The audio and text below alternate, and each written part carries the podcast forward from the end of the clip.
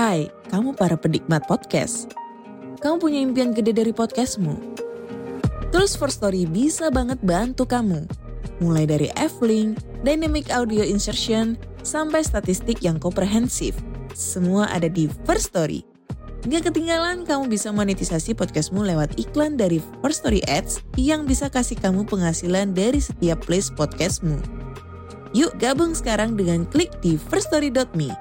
Sekali lagi, klik di firststory.me. Mari kita bawa mimpi podcastingmu menjadi kenyataan. Hai semuanya, podcast ini saya hosting di Fear Story. Kalau kalian belum pernah dengar Fear Story, ini adalah platform baru yang paling lengkap dan mudah untuk membuat, mendistribusi, dan mengelola podcast kamu. Nah, jadi Fear Story itu bisa kamu gunakan 100% gratis. Kamu bisa mengupload episode terjadwal dan mendistribusikan podcast kamu di semua platform podcast di Indonesia. Fear Story juga menyediakan customer service yang berisikan podcaster berpengalaman. Kamu bisa share podcast kamu tanpa ribet dengan F-Link yang akan mencakup semua link platform kamu dan sosial medianya. Dengan Fear Story Ads, kamu bisa mengakses monetisasi yang mudah dan beneran bisa kamu cairin tanpa biaya tambahan, gak pakai repot. Jadi tunggu apa lagi? Yuk maksimalkan podcast kamu dengan platform hosting dari Fear Story. Daftar sekarang di fearstory.me dan buat podcastmu jadi kenyataan.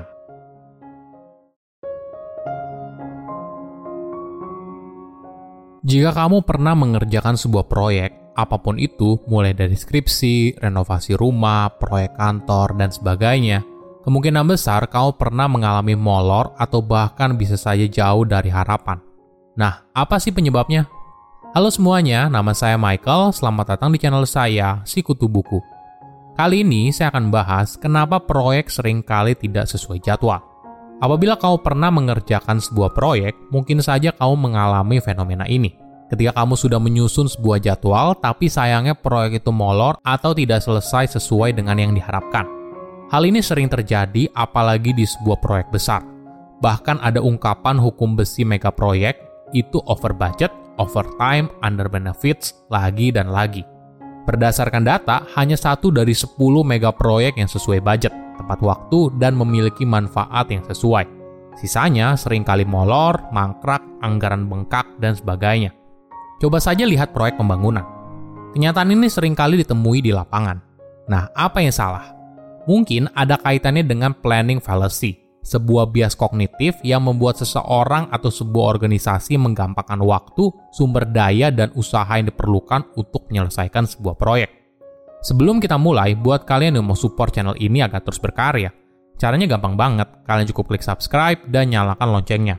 Dukungan kalian membantu banget supaya kita bisa rutin posting dan bersama-sama belajar di channel ini. Apakah kamu pernah terlambat dalam mengerjakan sebuah proyek? Entah tugas yang terlambat untuk dikumpulkan hingga proyek yang molor. Kata terlambat dan proyek itu sering kali sulit dipisahkan apalagi untuk sebuah proyek besar. Jarang sekali proyek tersebut bisa tepat waktu diselesaikan sesuai rencana. Mungkin ada yang disebabkan karena kecurangan, tidak mumpuni, atau omong besar. Tapi mungkin saja hal ini terjadi karena alasan lain. Apakah hal ini karena kita tidak bisa membuat rencana dengan baik? Kali ini saya akan bahas soal planning fallacy. Sebagai informasi, planning fallacy adalah bias kognitif yang membuat seseorang atau sebuah organisasi menggampangkan waktu, sumber daya, dan usaha yang diperlukan untuk menyelesaikan sebuah proyek. Biasanya, hal ini terjadi ketika seseorang cenderung fokus pada skenario terbaik dan mengabaikan kemungkinan adanya keterlambatan yang tidak terduga atau adanya kerumitan yang tiba-tiba muncul. Kecenderungan ini sering kali terjadi ketika seseorang atau sebuah organisasi berusaha menyelesaikan sebuah proyek baru atau yang tidak biasa dikerjakan. Mereka mungkin saja menggunakan estimasi dari proyek serupa atau berdasarkan pengalaman pribadi, tapi sering kali gagal memperhitungkan tantangan yang unik dan persoalan yang ada di proyek sekarang. Planning fallacy bisa mengakibatkan berbagai konsekuensi negatif. Proyek bisa terlambat, anggaran di luar budget, atau gagal memenuhi ekspektasi di awal. Selain itu, hal ini juga bisa membuat frustasi, stres, dan rendahnya kepercayaan diri. Dalam sebuah riset, peneliti meminta para murid yang sedang mengerjakan proyek tesisnya untuk memprediksi kapan mereka bisa menyerahkannya hingga selesai.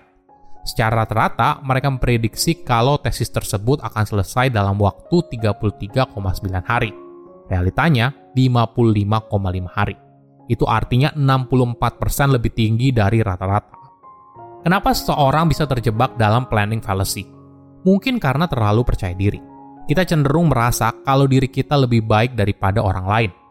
Alasannya sederhana, ini adalah cara kita merasa lebih baik. Bayangkan dua orang datang ke dalam sebuah interview dan salah satu dari mereka bilang, "Saya akan bekerja dengan baik, saya mengerjakan sesuatu dengan sungguh-sungguh." Sedangkan yang kedua bilang, "Saya berharap saya bisa bekerja dengan baik. Saya selalu berusaha untuk mengerjakan sesuatu dengan sungguh-sungguh, walaupun kadang saya gagal."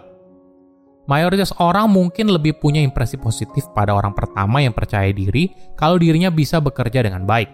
Inilah yang terjadi di dunia nyata ketika kita memberikan penghargaan dan pengakuan bagi orang yang terlalu percaya diri. Alasan lainnya adalah soal pengabaian koordinasi. Kita sering kali mengabaikan betapa sulitnya menyatukan banyak orang untuk bekerja sama. Tentu saja, secara teoritis, ketika jumlah orang yang mengerjakan sebuah proyek semakin banyak, maka akan ada tenaga spesialis yang pada akhirnya mampu meningkatkan produktivitas. Tapi yang sering kali luput kita perhatikan, betapa sulitnya membuat semua orang itu untuk bekerja sama dan bergerak dengan kecepatan yang sama untuk mencapai target yang sudah dibuat. Alasan lainnya yaitu soal menunda pekerjaan. Ketika kamu tidak mulai tepat waktu, maka bagaimana kamu bisa berharap kalau kamu bisa selesai tepat waktu? Manusia pada dasarnya suka sekali menunda pekerjaan. Kita memilih mengerjakan sesuatu yang bisa memberikan kita kepuasan instan daripada kenikmatan jangka panjang. Ketika manusia membuat rencana, tentunya kita membuat rencana untuk berhasil, kan? Kita tentu saja tidak berencana untuk gagal.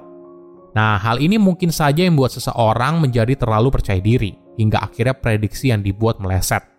Ini yang disebut sebagai optimism bias. Sebagai informasi, optimism bias adalah bias kognitif yang membuat seseorang melebih-lebihkan kemungkinan hasil yang positif dan mengabaikan kemungkinan hasil negatif.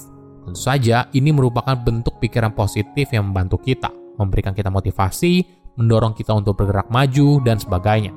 Ketika kita berharap hal yang positif, maka tingkat stres dan kecemasan menurun. Jadi hal ini tentunya sangat baik bagi kesehatan fisik dan mental. Namun perlu dipahami, hal ini juga bisa menyebabkan perencanaan dan pengambilan keputusan yang buruk. Ketika seseorang memiliki bias optimisme, mereka cenderung fokus pada skenario kasus terbaik dan mengabaikan potensi resiko dan hambatan. Hal ini dapat menyebabkan ekspektasi yang tidak realistis dan perencanaan yang buruk. Karena mereka mungkin meremehkan waktu, sumber daya, dan upaya yang diperlukan untuk menyelesaikan tugas atau sebuah proyek. Sebagai contoh, ketika diberikan sebuah proyek, mereka merasa kalau proyek ini bisa selesai lebih cepat daripada kondisi normal, atau mereka tidak memperhitungkan adanya tantangan yang tiba-tiba muncul. Alhasil, mereka tidak mengalokasikan sumber daya dan waktu yang cukup untuk proyek tersebut. Ada eksperimen yang menarik. Jadi para peneliti bertanya kepada berbagai jenis orang untuk menilai seberapa mungkin kejadian buruk terjadi dalam hidup mereka. Misalnya bercerai, kecelakaan mobil, atau menderita kanker. Tentunya ini hanyalah tebakan liar saja. Jenis orang yang ditanya juga beragam. Salah satu contohnya adalah pemadam kebakaran. Mereka diminta untuk menebak, lalu mereka akan menebak lagi setelah mendapatkan informasi statistik tentang kecenderungan dari masing-masing kejadian buruk itu. Tapi ada kondisi uniknya Ketika mereka ditanya, mereka berada dalam dua situasi yang berbeda di saat mereka sedang selesai bertugas dan ketika mereka sedang tidak bertugas. Hasilnya menarik. Ketika anggota pemadam kebakaran berada dalam stres, mereka cenderung lebih menerima informasi negatif soal statistik yang diberikan, entah soal kecelakaan kendaraan atau risiko dalam menderita kanker. Apa maksudnya? Optimisme manusia itu sifatnya relatif dan beradaptasi sesuai kondisi. Sayangnya, bias optimisme bisa membuat seorang mengambil resiko atau membuat keputusan berdasarkan informasi yang kurang lengkap. Mereka percaya kalau jika ada tantangan atau kesulitan di masa depan, pasti dengan mudah bisa ditangani. Alhasil menjadi kurang persiapan, meremehkan, dan pada akhirnya sebuah proyek bisa molor atau bahkan berantakan. Oke, bagaimana tips untuk mengurangi bias optimisme? Pertama, cari tambahan informasi. Bias optimisme sering kali terjadi apabila kita hanya tahu informasi sepotong-sepotong. Jadi keputusan yang kita ambil tidak akurat.